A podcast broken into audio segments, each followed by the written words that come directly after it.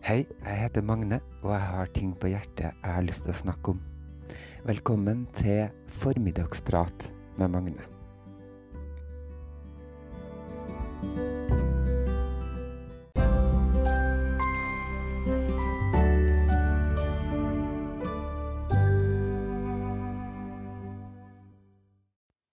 Riktig god påske til deg, kjære lytter. Om du sitter på en fjelltopp eller i en dal, eller om du koser deg med appelsin og Kvikk Lunsj eller krim og påskeegg, så håper jeg at du har det riktig bra. I dag er det, er det skjærtorsdag, og jeg holder på å lese Bibelen som en sånn uh, bucketlist. Eh, som du kanskje ser på podkasten min, så har jeg en episode som heter Herregud. Hvor jeg da recapper, kan man uh, kalle det, Bibelen. Uh, og da blir jeg jo også litt sånn interessert i hva de her høytidene betyr, og hva de kommer fra. Og sånn her. Og akkurat nå så holder jeg på å lese Mosebøkene, og der står det jo om den første påskefeiringa, som var jødene som feira det at de uh, at de var blitt ført ut av Egypt, da, der de var slaver. Og, og sånn, Så Gud tok dem ut av Egypt og laga masse lover og regler om hvordan de skulle feire det, da. Og glede seg over at de har blitt uh, frelst fra elendigheten. Og seinere så kommer jo Jesus i Det nye testamentet. Der har jeg ikke kommet ennå, men jeg kan jo litt om det fra før. Og det er jo uh, mest derifra at våre kjente påsketradisjoner kommer fra, og helligdagene våre og sånn. Så skjærtorsdag, ren og skjær, har du jo kanskje hørt. Og det kommer fra, fra det at eh, på skjærtorsdag så var det den siste dagen. Da feira de også påske, da, den gamle påska. Jesus eh, feira med disiplene sine. Hvor de hadde påskelam og eh, spesiell type mat og sånn. Det var noe jeg kom over som jeg syntes var litt interessant. Det var en spesiell type mat. Eh, de spiste Jo, de spiste noe som heter char... Char... Vanskelig å si. Charuchet. Det er en blanding av epler, nøtter, dadler og granatepler. Eh, som er symbol på slavearbeidet. Um, står det.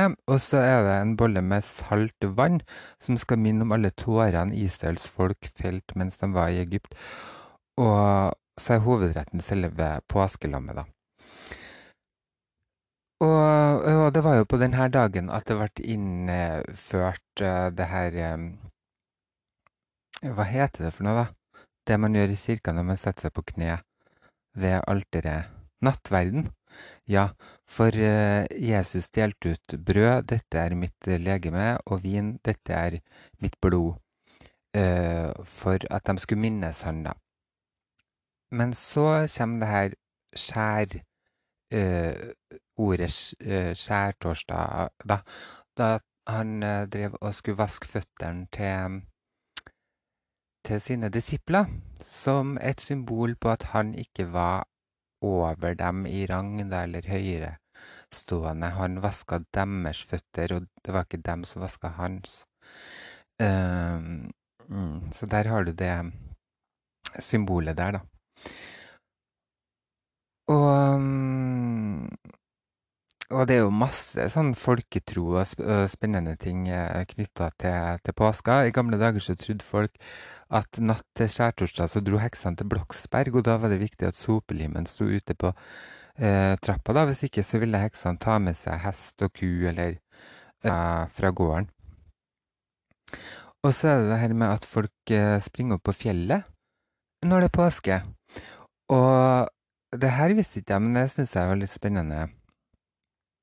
Og det er Det er det, da, at i gamle dager så pleide folk å dra opp på en fjelltopp tidlig på påskemorgen. Påskemorgen, slukke sorgen, synger de i, uh, i, en salme. Og da trodde man at uh, sola oppførte seg helt spesielt denne dagen og dansa på himmelen i glede over Jesu oppstandelse. Og um, det her er altså påskemorgen, så det er jo ikke ennå, da. Så da må uh, vi må vente med å springe på fjellet til da.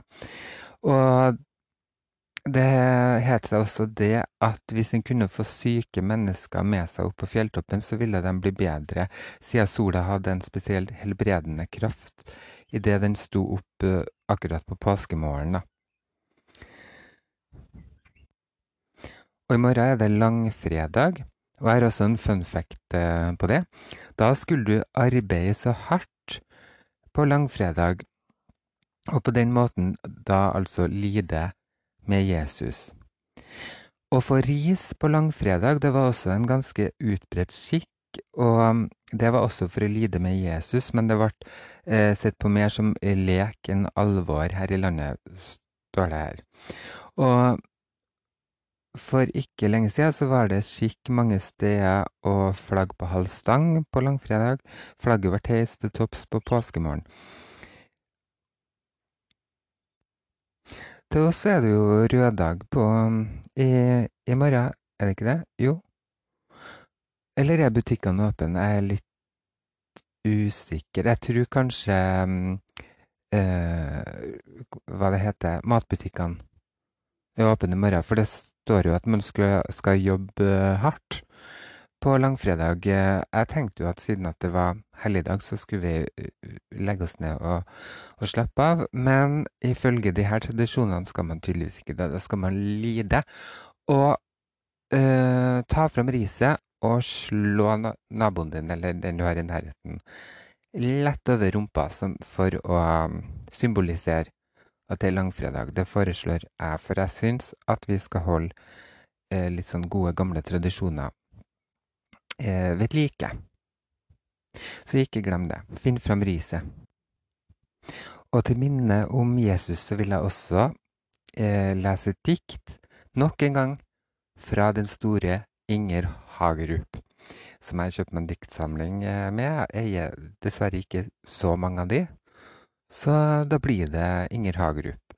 Men hun er jo fantastisk, og hun har skrevet et dikt uh, der Jesus er med.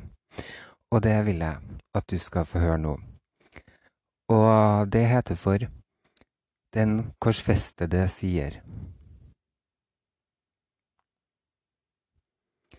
Den korsfestede sier. Ta meg ned, det er på tide. Trodde jeg jeg kunne lide, det som millioner led. Dachau, Buschenwald og Belsen hvor var jeg, og hvor var frelsen? Ta meg ned. Menneskene har bedratt meg, Gud og djevel har forlatt meg. Ta meg ned og bær meg bort. La den siste bleke jøde vitne om de andre døde, bedre enn jeg kunne gjort. Ta meg ned, det er på tide, lansegapet i min side. Tornekronen, hva var det? Nylig slo et barnehjerte hjelpeløst av angst og smerte i en gassovn. Ta meg ned. Ta meg ned, jeg var der ikke. Redselen i barneblikket, morens gråt gikk meg forbi. Knus mitt kors som ikke kunne redde dem som gikk til grunne, ta meg ned, gjør verden fri. Ja, der har du noe å grunne over i påskesola. Ja, det er deilige dager her i Trondheim, og det er uh, nydelig vær og avslappende og fint. Og man kan uh, lene seg godt tilbake og kose seg med, med krim på nett-TV og en god bok og forskjellig sånn. Uh, men når dagene går, da, man er i fart og i virke, så kjenner jeg at den der roen ikke alltid er der. Og jeg har gjort en sånn innsats nå da, for å få litt mer uh, ro inn i um, hverdagen min, så jeg bestemte meg for å meditere tre ganger om dagen. Og jeg hadde sånne perioder tidligere der jeg har uh, vært flink til det, og så har jeg kommet på nå da at det noe jeg vil innføre, for jeg tror at det er bra. Og, og stilne hodet grann, og at det da kan skje magiske ting. Det liker jeg å tenke på. At det blir mer flyt i hverdagen. Det er veldig sånn alternativ der, da, tenker jeg.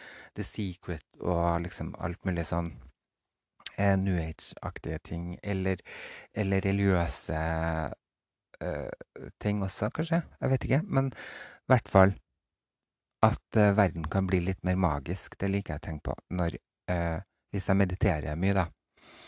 Så jeg har funnet en sånn Deepak Chopra-meditasjon på, på Spotify, og den har jeg lasta ned til hjemmesida på telefonen min, da, så jeg lett kan komme inn på den.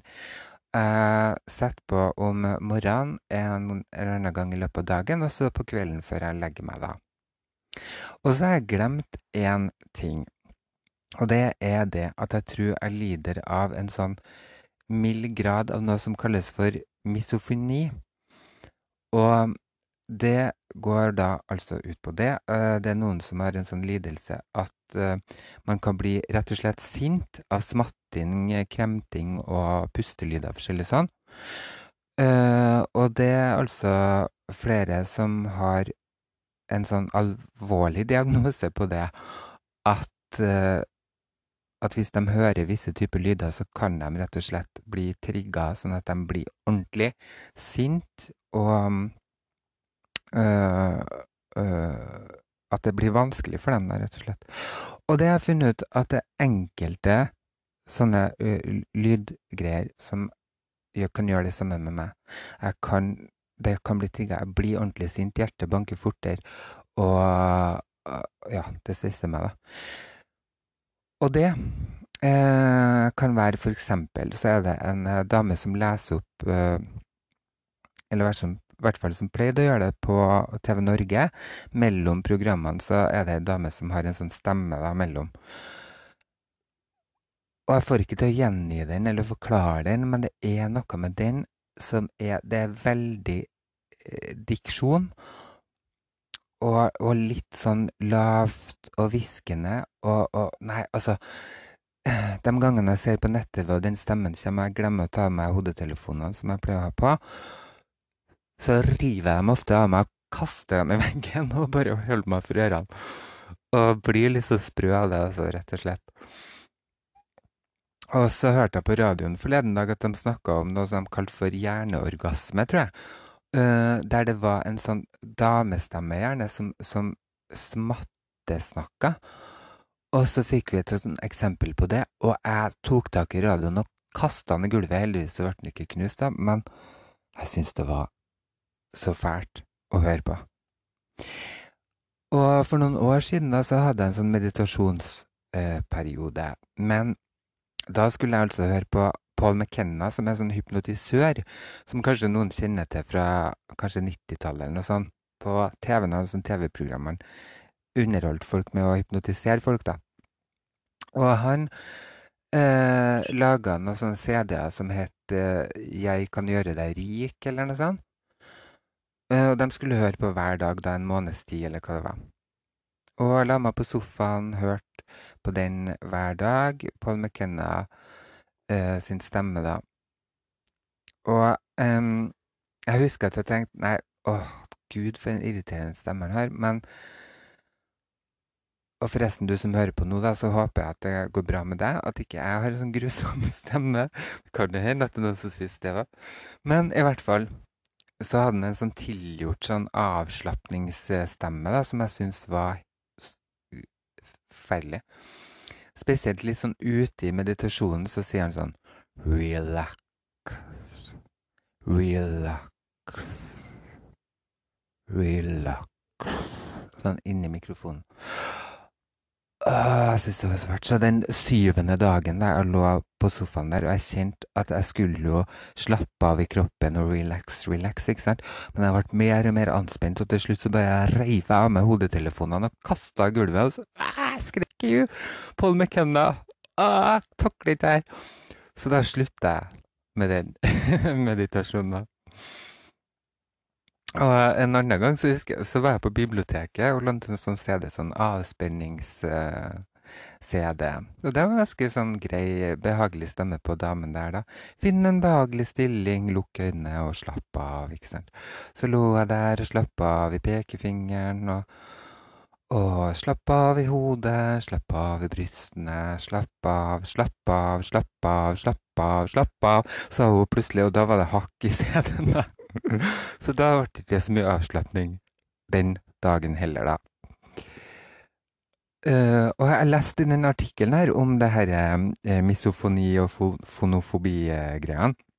Så sto det at det kan fungere med eksponeringsterapi, at du utsetter deg for dem lydene. da. Så når jeg nå satte meg ned med Deepak Chopra, så var det noen av de lydsporene Heldigvis er det ny for hver dag, da. Så det blir litt sånn Hvis det er noe som er irriterende, så er det lettere å komme over det. Men han hadde også Han har et slags sånn mantra eller noe han sier som jeg syns er så fælt å høre på. Uh, satt Shit Ja, et eller annet. Og, så Og da kjenner jeg at liksom bare mm, Denne avspenninga av kroppen begynner liksom å bare ikke fungerer så bra, da. Eh, men da kan jeg tenke jeg utsetter meg for det gang på gang.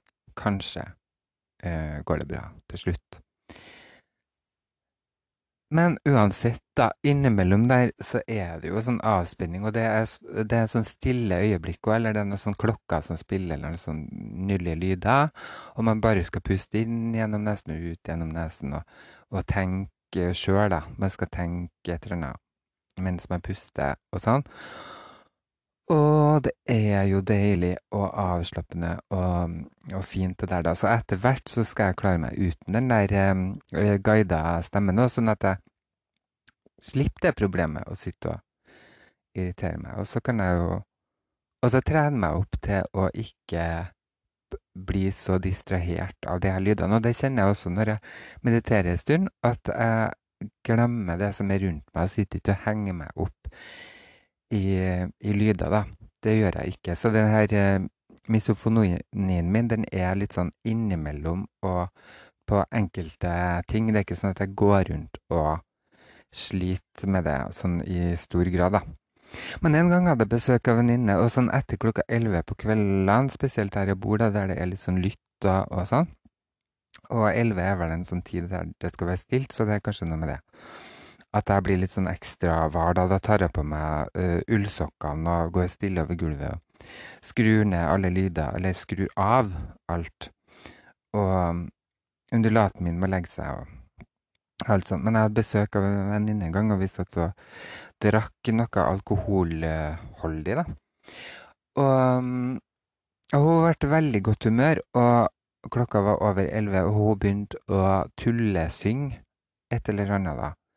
Veldig sånn rølete og, og, fyllesang. Og så kjente jeg nei, det her går ikke, så sa jeg du, kan du være så snill å være, være stille. Jeg, orker ikke. Og så bare fortsatte jeg kanskje enda litt høyere sånn. Og så hever jeg stemmen kanskje bitte litt, og la til eh, et eller annet utropsord, da. Jeg takler ikke, eller noe sånt. Og så fortsatte hun en gang til, og jeg ble følt sjøl at jeg var veldig streng. Det her takler ikke jeg. Hold kjeft. Og så slutta jeg ikke, og da bare klikka jeg, så da tok jeg det nærmeste jeg fant, det var en eh, mobiltelefon, og kylte gjennom lufta og i hodet på venninna mi, da. Så hun fikk en diger kule i hodet eh, dagen etterpå. Og jeg tenker, det her er jo farlig. Eh, tenk hvis jeg har truffet øyet og har blitt blind på øyet eller noe sånt. Um, så det er alvor, det her, altså. Med misofoni. Så ta, ta, det på alvor hvis det er noen som, som sier at de ikke takler smattinga di, f.eks. Men gå i terapi, folkens. Det foreslår jeg også, for det er jo ikke noe bra å gå rundt sånn og, og ikke takle livet og folket. Så hvis det er noe man kan gjøre, gjøre noe med, så gjør gjerne noe med det. Som gåsemor sa, for hver en sorg som rammer deg, fins botemiddel eller ei. Kan noe gjøres? Gjør det bare. Kan intet gjøres? La det fare.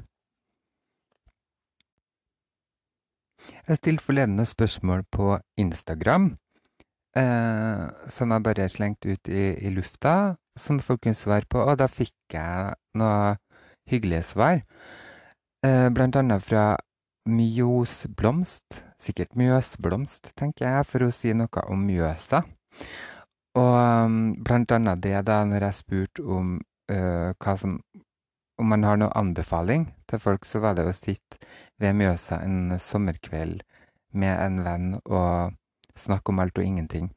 Og det har jeg faktisk gjort en gang med min kjære søster, for hun bor eh, nedi der. Og da tok vi oss en tur langs Mjøsa en sommerkveld og sykla, eller sommerdag, og det var Nydelig. Da satt vi på en kafé der og så utover Mjøsa og snakka om alt og ingenting, og det var så fint. Jeg spurte også om hva eh, noe av det rareste du vet, og Mjøsblomst sier at eh, noe av det rareste hun syns, er hvorfor noen mener at de har sannheten. Så er vi ei som heter Rebekka, som sier det er rart, mønstrene i naturen og mennesker er rart og spennende, og det er jeg helt eh, enig i, det, faktisk. Og noe av det morsomste Mjøsblomsten vet, er når mine to tenåringer briljerer muntlig med hverandre, sier hun. Og det syns jeg jeg, jeg jeg, får bare så lyst til å være der nå, kjente jeg. For det ser jeg for meg kan være en eh, fin, fin ting med, med de her tenåringene som briljerer muntlig med hverandre. Selvfølgelig så må de jo ha en bra personlighet. Jeg har sett mye tenåringer som er sinnssykt slitsomt å være rundt. Men, men det er også mange som er kule, og det er jo folk, det òg. Ikke sant? Så ja, det ser jeg for meg kan være morsomt med, med noen tenåringer som briljerer med hverandre. Og så var det noe, noe om noe uttrykk eller eh, ja, ordspråk og uttrykk og sånn, så sier Mjøsblomst det det blir stille i skogen om bare de fuglene som sang penest, sang, sier han. Og det er jeg enig i. Ja, til mer mangfold. Jeg hørte nettopp Jan Thomas og Einar Tørnquist på denne podkasten deres, der Jan Thomas snakka om et flyselskap som har innført noe sånn sminkeregler på damene som jobber der, da, at de skal sminke seg på en bestemt måte. Og uh, ja, sånn uniformert uh, opplegg, da, der dem, Jan Thomas og Einar, også slår et slag for mangfold, da, at uh, både menn og damer kan uttrykke seg og sminke seg og gjøre litt sånn som man vil. Det er litt sånn viktig. Man kan jo forstå at i noen yrker så er det litt sånn uniformert, og sånn, men her var det på grensa til at det blir uh, Jeg vet ikke hva jeg skal si. Hånete, på en måte. da. Ja, til mangfold. Og når jeg spurte om uh, på Instagram om hva du skulle ønske folk visste mer om, så sier Rebekka hun skulle ønske at uh, folk visste mer om sitt indre liv, inkludert hun sjøl. Og, og, det tenker jeg kan være en veldig bra ting. Å vite litt mer om sitt indre liv. Det kan være en spennende verden der. Det syns i hvert fall jeg. I mitt uh, indre liv. Uh, som jeg føler er ganske rikt. Og så uh, sier hun Mjøsblomsten. Det er dem to da, som har svart utførlig på alle de her spørsmålene mine. Jeg tar noe av det. Og ja, Mjøsblomsten sier at hun skulle ønske at folk visste mer om det her med folk som opplever å være født med et annet kjønn enn det de føler at de er. Og der må jeg berømme uh, TV 2 laga jo en veldig fin serie en gang, 'Født i feil kropp'. Syns jeg var bra. Vi snakker litt mer om det, og det er mer åpent. Jeg har lagt merke til de siste årene at det er en annen Hva skal jeg si Annen generell holdning og annen uh, følelse blant folk flest, da. Uh, men det kan også handle om hvem jeg omgir meg med. At jeg omga meg litt med andre folk for ti år siden enn det jeg gjør nå, f.eks. Uh, men jeg, jeg oppfatter det i hvert fall sånn at det er en større åpenhet og mer informasjon og og sånt rundt eh, det temaet, da. Og det syns jeg er bra. Nå vil jeg tilbake til noen påskeaktiviteter. En av de tingene med påska som jeg forbinder med den, det er i hvert fall krim. Enten krimserier på TV-en eller eh, bøker, da. Krimbøker. Og jeg har nå funnet fram noe som heter Black Stories, som er et slags spill da, med sånne kort. 50 makabre mysterier, heter det. En gang så laga jeg en adventskalender på YouTube der jeg brukte de her kortene da, hver, hver dag. Uh, jeg tror ikke det slo an så veldig bra, så jeg vet ikke hvor bra det her er. Men det, det har slått til enkelte av de her uh, gåtene, eller hva skal jeg kalle det, de er veldig bra, da. Så de beste av dem, det er sånn som jeg bruker å presentere av og til for folk. Men nå skal jeg prøve å forklare da hva det her egentlig er for noe. Det foregår egentlig sånn at, at vi sitter sammen flere, og så kan jeg lese opp et sånn mysterium der du får presentert da, en, en eller annen ting som har skjedd. Og så blir spørsmålet hva er det uh, Hva er det som er bakgrunnen, eller hva er det som har skjedd? Og så skal, skal man spørre spørsmål som jeg kan svare ja eller nei på, og til slutt så skal man klare å løse mysteriumet, da. Det lar seg ikke gjøre nå, uh, siden at jeg ikke kan høre om du, hva du spør om. Men jeg skal presentere et sånt mysterium, og så skal du få gruble litt på det, og så skal jeg gi deg svaret. Og da kan du senere bruke det på noen av de som du henger med i påska, f.eks. Da.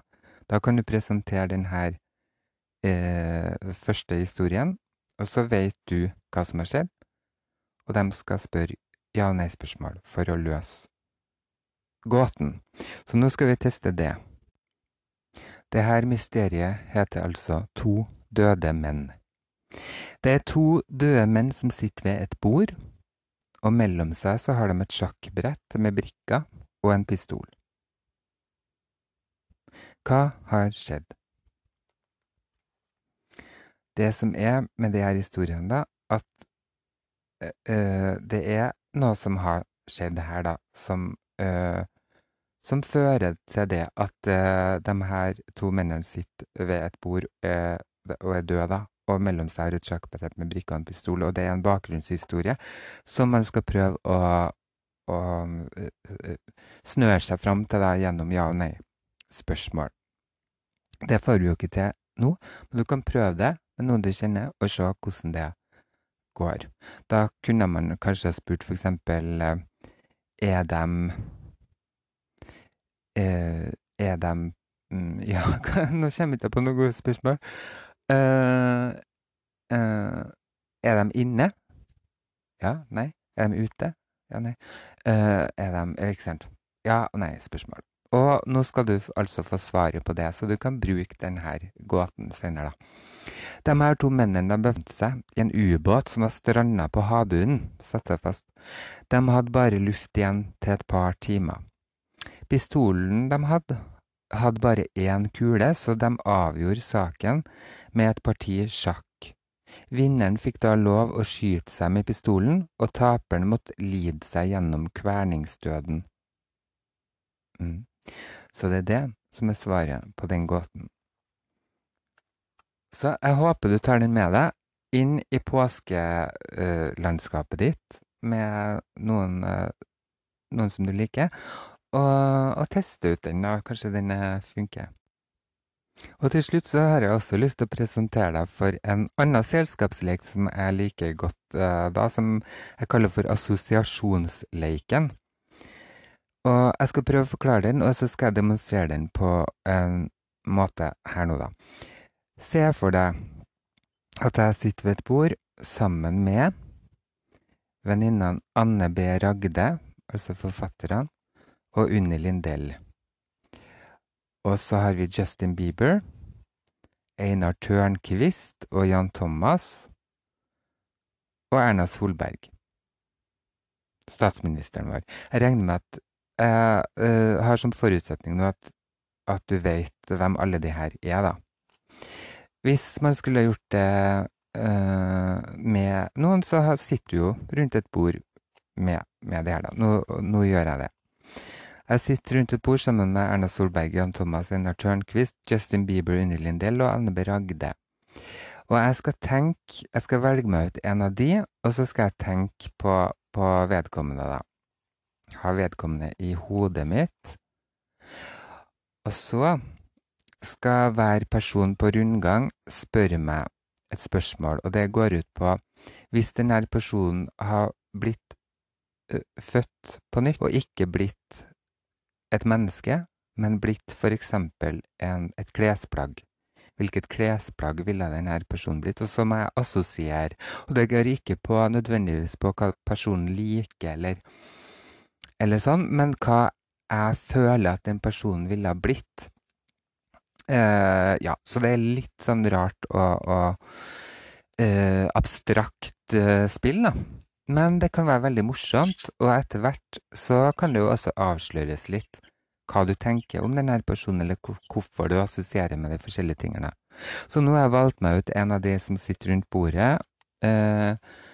og ja, Enten om det er Unni Lindell, Anne B. Jan Thomas, Einar Tørnquist, Justin Bieber eller Erna Solberg. Tenker på en av de nå. Og så får jeg et spørsmål, da. Hvis den personen her ikke ville blitt et menneske, men en matrett, hvilken matrett? Da må jeg bare tenke fort, og da sier jeg Å gud, det var vanskelig. Åh, ville blitt en matrett? Ville blitt et lammelår, sier jeg. Og hva med farge? Jo, det ville blitt sånn neonrosa. Sterk rosafarge. Hvilken drikk ville vedkommende blitt? Det ville blitt en ø, ø, økologisk champagne. Hva med baderomsartikkel? Hun ville blitt et øh, og, og et eller annet Intimsåpe som er sykt sånn spennende fra Himalaya. Uh, nei Jo, en veldig interessant intimsåpe ville det vært. Og hva med klesplagg? Hvilket klesplagg ville det blitt? Ville det blitt en stringtruse? Hva med interiørobjekt? Ville det blitt en stålampe? Hva med dyr? Jo, det måtte ha vært um, um, Nei, uff, det står stilt. Eh, hvilket dyr ville den blitt? Kanskje en harepus. La oss si det. Og til slutt, hvilken film ville vedkommende blitt? Ville blitt en eh, en um, actiondramakomedie, kanskje? Um,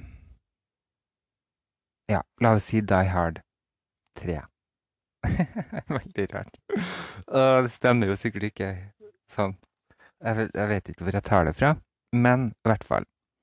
Da har jeg tenkt på en av de personene som satt rundt, bordet, og da skal jeg la det henge i lufta, så kan du få lov å tippe hvem det var jeg nå satt og tenkte på. Var det Nå har jeg nevnt det mange ganger, da, men jeg kan si det igjen. Var det vår statsminister Erna Solberg?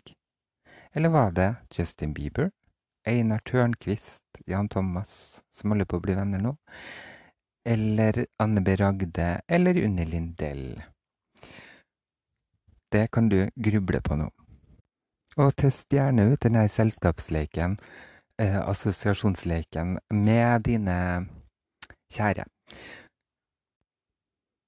Hvis du lurer på hvor det blir av bestefars memoarer, så skal jeg ta en liten pause fra de akkurat i dag, men jeg skal komme sterkere tilbake og fortsette å lese, og det gleder jeg meg til. Um, mm. Men jeg håper at du koser deg skikkelig mye i påska, og for mange så er det jo uh, gjerne noe godt i glasset. Alkoholholdig uh, sådan. Og um, uh, ja, det må du, synes jeg du må kose deg med. Men forleden dag så hadde jeg en liten samtale med elfenbensbæreren om det her med drikking, da. Så da skal du få høre hva vi eh, sa om det. Og med det så eh, vil jeg ønske deg riktig god påske, kjære elskede lytteren min. Ha det bra. God påske. Uh, first time I was drinking, I was 16, I think, and I drank some heimbrent. Okay, And that's a good start. Yeah, and some red wine. I think it was awful. Okay, And uh, was it homemade? No, I don't think so. But it was the cheapest one on the. Okay, right. That's, Yeah. Uh, yeah, and I was really drunk and puking all over exactly. The places and making a fool of myself uh, Yeah, that's what people, everywhere. that's what drunk people do. They make fools of themselves. yeah, that's what we do. That's, that's why I don't drink because I've gotten in so many strange situations, Yeah. and I couldn't understand why I ended up, for example, in bed with with monsters. But is that because You know what I mean? is that because you're so crazy in the utgangspunkt that, you that you get even Probably. you get, get worse. too crazy to handle in a way? oh, you know, you don't have any judgment when you're drinking. No. It gets very weak anyway. Mm-hmm.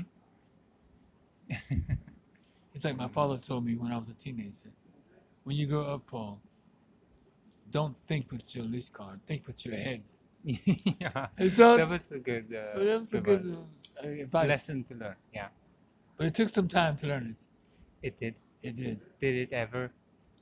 I think I got it. Yeah, you got it. I'm 22 years old. It's about time. yes, about time. it's about fucking time.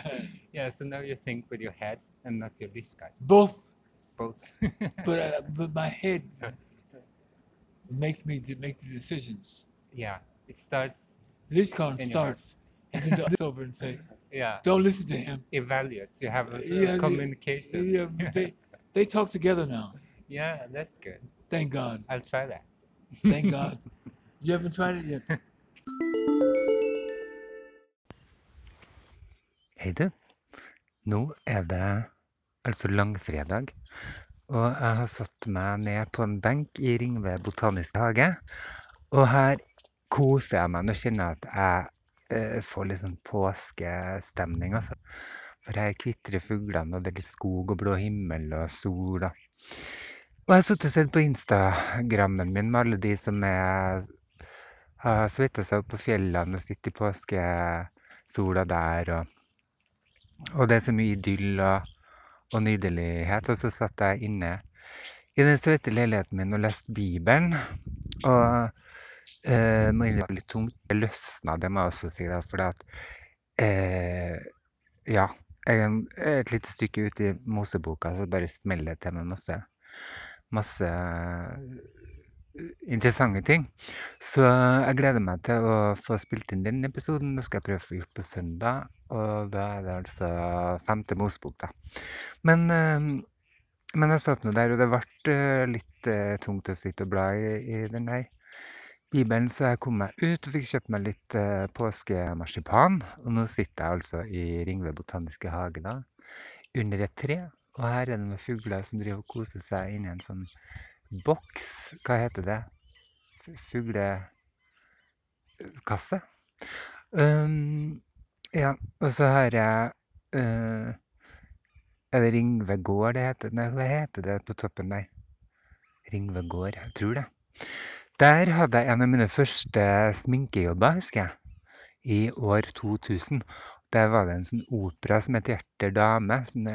Det, var en operasangerinne som het Randi Stene. Som var fryktelig koselig.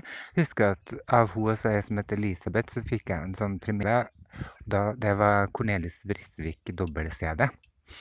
Eh, for det hadde jeg nevnt at eh, jeg har oppdaga Cornelis Vrisvik, da. Det var veldig koselig.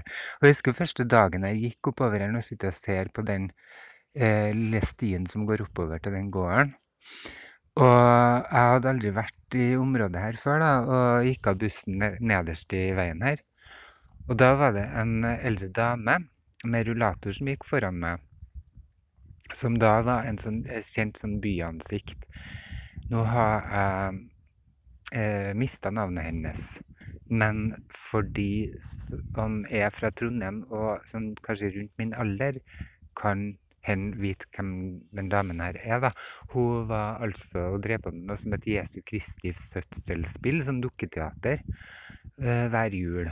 Og var litt av en karakter, må jeg si. Spesielt på sine eldre dager, da. Da ble hun litt ekstra sånn eh, sint og kunne skjelle ut folk og sånn, husker jeg. Det var mange som snakka om. Men i hvert fall så gikk hun foran meg med den rullatoren oppover. Og så fulgte jeg etter, men så stoppa jeg og plukka noe hvitveis da, som jeg tenkte jeg skulle ta med inn til de operadamene for å glede dem med det.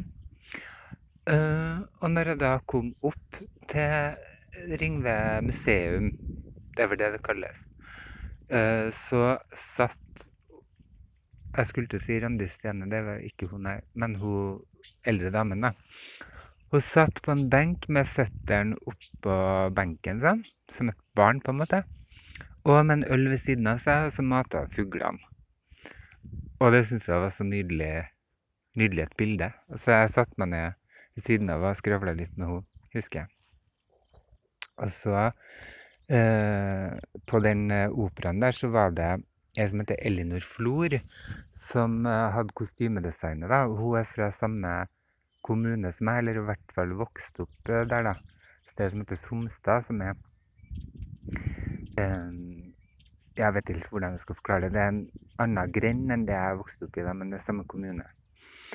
Og eh, jeg lurer på om hun var fosterbarn, eller eh, adoptert, eller noe sånt. Men uansett så vokste hun opp der. Og så kom jeg i snakk med henne, og hun så ut som en kunstner. Vet du. Hun, var, hun hadde sånn glatt, langt hår og så hadde sånn egetstrikka diadem. Og bare sånn strikkeklær fra sånn strikkedesigner, ikke sant. og, og, så var hun liksom rak i ryggen og uh, ja, snakka litt sånn normert, tror jeg, som trønder. Um, og jeg husker at hun spurte meg hvor jeg kom fra, så sa jeg, hvor jeg kom fra, da, så sa hun jeg har sånn heimlengsel. Jeg har sånn heimlengsel, sa hun. og så uh, Ja. Så det var mange sånne flotte episoder med, med Elinor Flor, der hun viste sin sånn kunstneriske uh, divaaktige sånn fakta, på en måte. Uh, var veldig fin. Så her sitter jeg da altså og mimrer over svunne tider, her jeg sitter på benken i Ringve botaniske hage. Og ja, her har jeg vært mye og godt, og spesielt når det er blomstringstid her, så er det jo nydelig. Du kan gå og se på blomstene og se hva slags blomster det er. Og så er jeg oppe i en skråning her, det syns jeg var flott. Så har de laga en sånn villblomstområde. Eh, så der er det der markblomstene som, som jeg kjenner til fra barndommen og sånn, da. Du har alt fra rødkløver og hvitkløver og smørblomst og hestehov og alt det der. Og så er det masse blomster som, som jeg ikke kunne navnet på når jeg var liten. Og det syns jeg er en sånn stor glede for meg, da, å, å få vite. det. Det er akkurat som jeg, det blir avslørt en hemmelighet. Jeg husker når jeg lærte meg Det er en blomst som tynn stilk. og øh, en slags klokkeforma blomster. Og den kalles for skogstorknebb. Og det kunne jeg ikke når jeg var liten, så når jeg, først, når jeg lærte meg den, så var, så var, det akkurat som at jeg fikk vite noe litt sånn hemmelig. Så den der skråninga der, den skal jeg dra opp til nå når det begynner å bli eh, blomstringstid da, igjen, og lære meg alle det der villblomstnavnene. Noen har jeg jo glemt nå, så da, jeg må friskes litt opp. Og så er det en sånn urtehave litt lenger eh, bort her som en venninne av meg brukte som kjøkkenhage når hun bodde i nærheten her. For der er løpstikke og mynte og uh, Renessansehagen, tror jeg den kalles. Mm, for den er bygd opp etter et sånn rutemønster, en sånn spesiell måte man skal ha de her hagene på. da.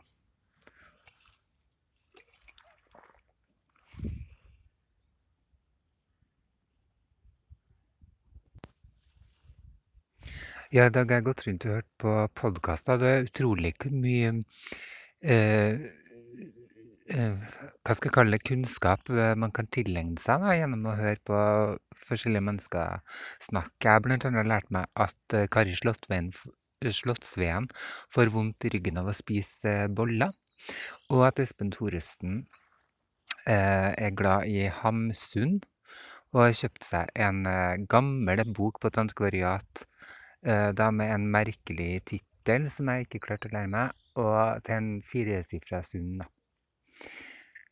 Um, ja, og så har jeg også lært at Kari Slottsveen ikke har så mye sånn som jeg nettopp hadde nå, sånn øh, mm, mm, som kanskje ikke er så veldig bra sånn radiostemme, og som jeg prøver å jobbe litt imot. Jeg pleier å sette på pause når jeg kjenner at den der øh, øh, kommer for mye. Så det er på en måte klippa bort. Da.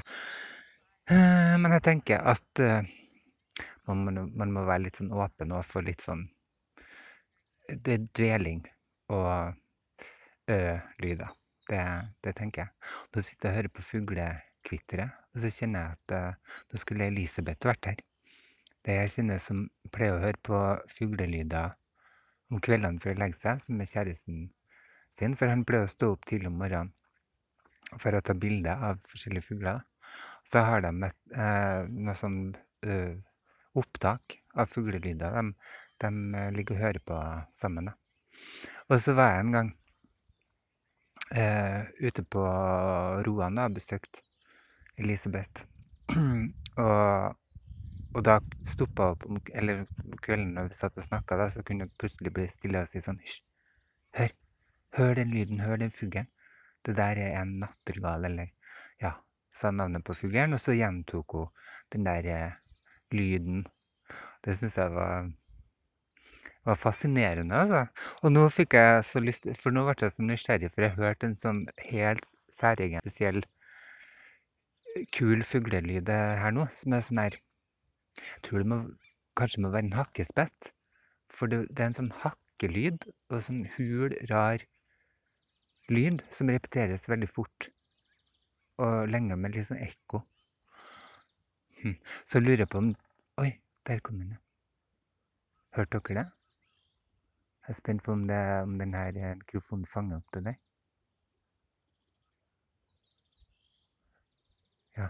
Nei um, Ja, hva jeg skulle si?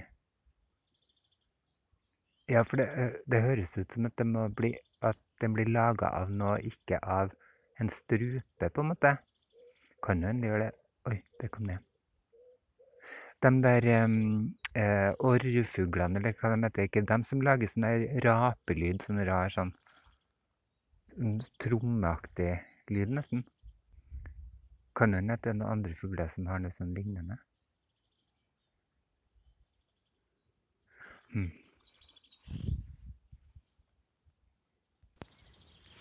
Jeg skal prøve å gå litt nærmere den lyden, så kanskje du også får, får hørt den. Nå føler jeg at jeg lager sånn her 70-talls eh, NRK barne-TV. Eh, ja, jeg fikk litt inn i stemninga nå. Kan du høre fuglen? Eh, og der det er veldig sånn sakte og kjedelig, og jeg bare sier ikke noe veldig spennende. Og oi, her var det en diger kongle. Oi, den var sinnssykt stor. Wow. Ja, nei, det er litt sånn sakte radio, det her blir det i dag. Og jeg tenker at jeg legger denne her til som et bonusspor i påskespesialen. Og så eh, kan du tenke at det her er bare noe eh, Hva skal jeg si Det er ikke hver dag det blir så sakte og omstendelig som det blir, blir i dag. Men jeg tenker det kan være bra, òg. Noen ganger så får man lyst til å kanskje se fjernsynsteater eller noe sånn gamle NRK-programmer. Og, og sånn bare for å få den der Nei, det er ikke Eh, Nå prøver jeg å følge den der eh, lyden, men jeg føler den bare flytter seg bort fra meg. Vet ikke om den ble fanga opp her av, av eh, den her Nå skulle jeg til å si båndopptakeren min, som da er en telefon. Jeg blir beskyldt av og til for den jenta på jobben for at jeg har sånn gammelmodig språk, og båndopptaker tror jeg er en av de ordene som jeg tror det ikke er så veldig mange som bruker lenger.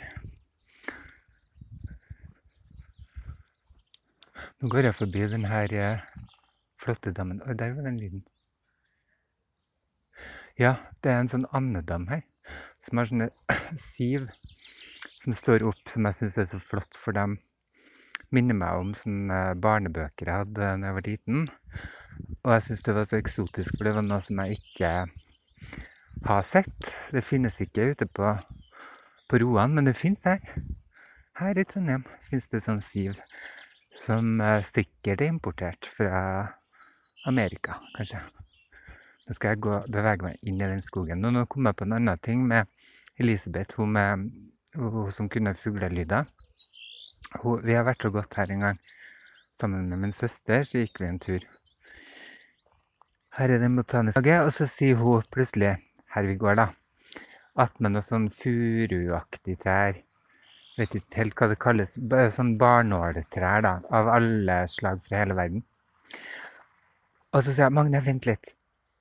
Du som er så interessert i eteriske oljer, sånn, for da holdt jeg på med litt sånn aromaterapi og litt sånn, så jeg blir med her. Og så går vi inn i skogen, holdt jeg på å si, det er det jo ikke, men det er en masse trær, da. Og så var det en av de trærne som hadde sånn glatt bark, og så hadde de sånne små, eh, la oss kalle det byller, da, som hun trykka på, og så spurta det ut kvae. Eh, det var så morsomt. Og vi sto og spruta på de der kvaeklumpene lenge. Og, og så begynte søstera mi å bli litt utålmodig. Nå må vi gå videre, liksom. Og så kom vi litt opp i hugget her, og da var det montert en slags Ja, det var noen sittebenker og sånn, og så var det noe som kaltes for ja, et, et troll eller et eller annet sånt, som var en sånn eh, hva skal jeg kalle det, en mikrofon som du kunne snakke inn i. Og det du sa, kom tilbake etter en liten stund da, med litt sånn fordreid stemme og ekkoeffekt og sånn. Skulle liksom være noe sånt magisk troll. Um, og ja, det var lagt på litt sånn snipp og snapp-effekt, eller plutselig så ble stemmen sakte og, og litt Og det syns Elisabeth var så morsomt, så hun holdt på med det i timevis. Og søstera mi slet skikkelig da med å få Elisabeth bort fra, fra det der eh, trollet. Så der eh, fra den hagen her. Men nå forsvant den jo helt, den der eh, lyden jeg var på jakt etter. da. Ja, ja. Men uansett, det kan hende at du som hører på, vet hva det der kunne være. For da kanskje snappa du opp den òg. Eh, så da må du fortelle meg hva det kunne være. Jeg tipper en slags hakkespett. Eh, det finnes jo sikkert den hakkespetten òg. Kanskje det finnes noen som er litt mer sånn hardcore enn andre i hakkinga si. Det var ganske sånn heftig lyd, syns jeg.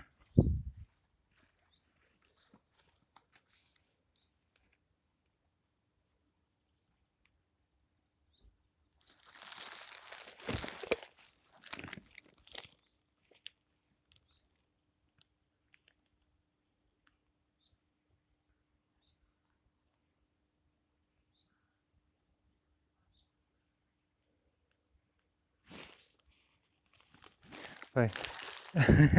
Nå trodde jeg at jeg mista hele det her opptaket, men eh, den bare forsvant litt fra meg. Skal vi se. Ja, jeg tror kanskje den innspillinga her er prega av uh, at jeg er litt sånn høy på sukker, kanskje. Og uh, ja, bare skravle i vei, da. Håper at uh, det blir altfor lei av å høre på stemmen min, for jeg vil jo beholde lytterne mine. Så hvis du har hørt så langt, så håper jeg at du fortsetter med det.